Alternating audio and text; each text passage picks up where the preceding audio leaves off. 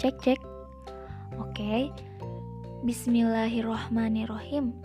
Assalamualaikum warahmatullahi wabarakatuh. Halo teman-teman Selamat pagi, selamat siang, dan selamat malam untuk kita semua.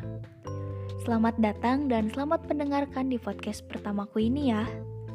Oh iya, sebelumnya kenalin ya Nama aku Resutriana Putri Nama panggilan kalau di kampus sih teman-teman biasanya manggil aku Rere tapi kalau orang rumah biasa manggil aku dengan nama Puput. Hmm, tapi terserah kalian aja deh ya. Mau panggil aku apa?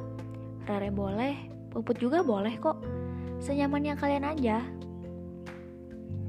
Oh ya teman-teman, aku adalah salah satu mahasiswi program studi komunikasi di Sekolah Vokasi Institut Pertanian Bogor yang baru menempuh semester 1. Jadi, Podcast ini pun merupakan pemenuhan tugas mata kuliah teknik wawancara sebagai proyek akhir di semester 1 ini. Wah, gak kerasa ya teman-teman. Ternyata semester 1 udah mau selesai aja nih. Perasaan baru kemarin deh aku ikutan MPKMB. Dan baru kemarin juga rasanya aku nangis-nangis karena ditolak SNMPTN. Hmm, sedih ya kalau nginget-nginget itu. Tapi gak apa-apa, It's okay, yang lalu biarlah berlalu. Kita jalanin aja yang sekarang, dan jangan lupa untuk selalu bersyukur ya teman-teman semua. Oh iya, gimana nih kabarnya teman-teman belajar online di rumah aja? Pasti bosan kan? Jenuh ya? Capek? Pasti sih. Hmm, sabar ya. Karena yang ngerasain dan ngejalanin bukan kamu aja kok aku, kamu, dan kita semua pun sama, lagi sama-sama berjuang dan pasti berharap agar pandemi ini segera berakhir. Karena jujur, aku juga udah gak sabar banget pengen cepet-cepet ketemu sama temen-temen baru aku. Tapi untuk sekarang, kita ketemunya cuma lewat via Zoom atau Google Meet aja. Dan itu pun kalau lagi ada presentasi aja loh. Nah, teman-teman, kira-kira di podcastku yang pertama ini aku mau bahas apa ya?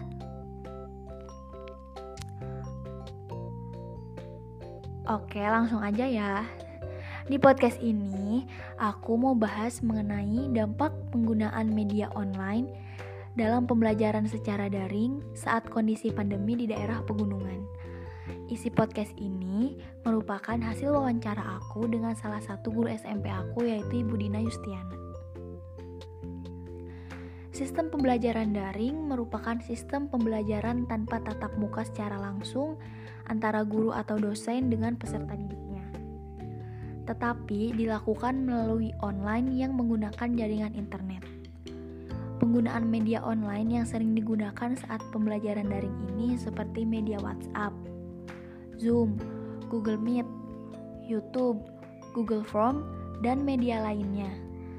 Tetapi, apakah pembelajaran daring di daerah pegunungan sama seperti kita? Setelah aku mewawancarai salah satu guru yang mengajar di daerah pegunungan, ternyata mereka banyak mengalami kendala, berbeda dengan para pelajar yang tinggal di daerah perkotaan dalam pembelajaran daring di daerah pegunungan ini tentunya menimbulkan dampak positif dan negatif ya. Dan ada beberapa hambatan atau kendala yang dialami. Pembelajaran daring tidak bisa lepas dari jaringan internet. Koneksi jaringan internet menjadi salah satu kendala utama dalam pembelajaran. Apalagi yang tempat tinggalnya sulit untuk mengakses internet, seperti di daerah pedesaan dan pegunungan Kalaupun ada yang menggunakan jaringan seluler, terkadang jaringan yang tidak stabil karena letak geografis yang masih jauh dari jangkauan sinyal seluler. Seperti pada pernyataan seorang guru Ibu Dina Yustiana yang mengajar di MTS Al-Mubin, daerah Cigudeg, Bogor, Jawa Barat. Ibu Dina berpendapat bahwa pembelajaran daring memiliki dampak positif dan negatif pada para peserta didik.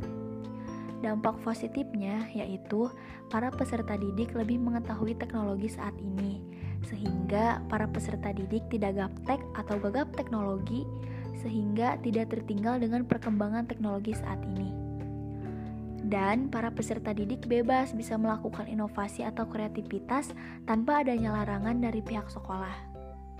Tetapi, selain itu juga pembelajaran daring memiliki dampak negatif, yaitu para pelajar susah atau kurang memahami materi yang telah dijelaskan atau diberikan, mereka tidak bisa menangkapnya dengan jelas. Malah, sering terjadi salah pengertian atau pemahaman dan peserta didik di sana malah merasa bebas karena tidak bersekolah, jadi banyak pelajaran yang terbengkalai. Selain dampak positif dan negatif dari pembelajaran daring ini, menurut Ibu Dina pun merasakan kendala-kendala.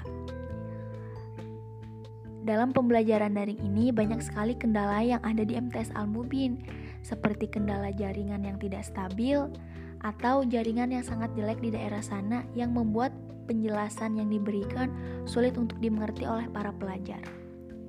Kendala lain yaitu tidak semua pelajar memiliki media yang memadai seperti laptop atau handphone untuk mengikuti pembelajaran daring ini.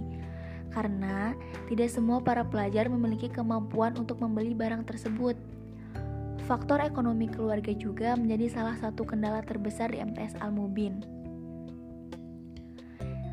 Dan kendala lain juga ada beberapa pelajar yang sulit untuk membeli kuota dan yang mengharuskan para guru datang ke rumah para pelajar yang tidak memiliki laptop ataupun handphone agar mereka tetap mengikuti pembelajaran.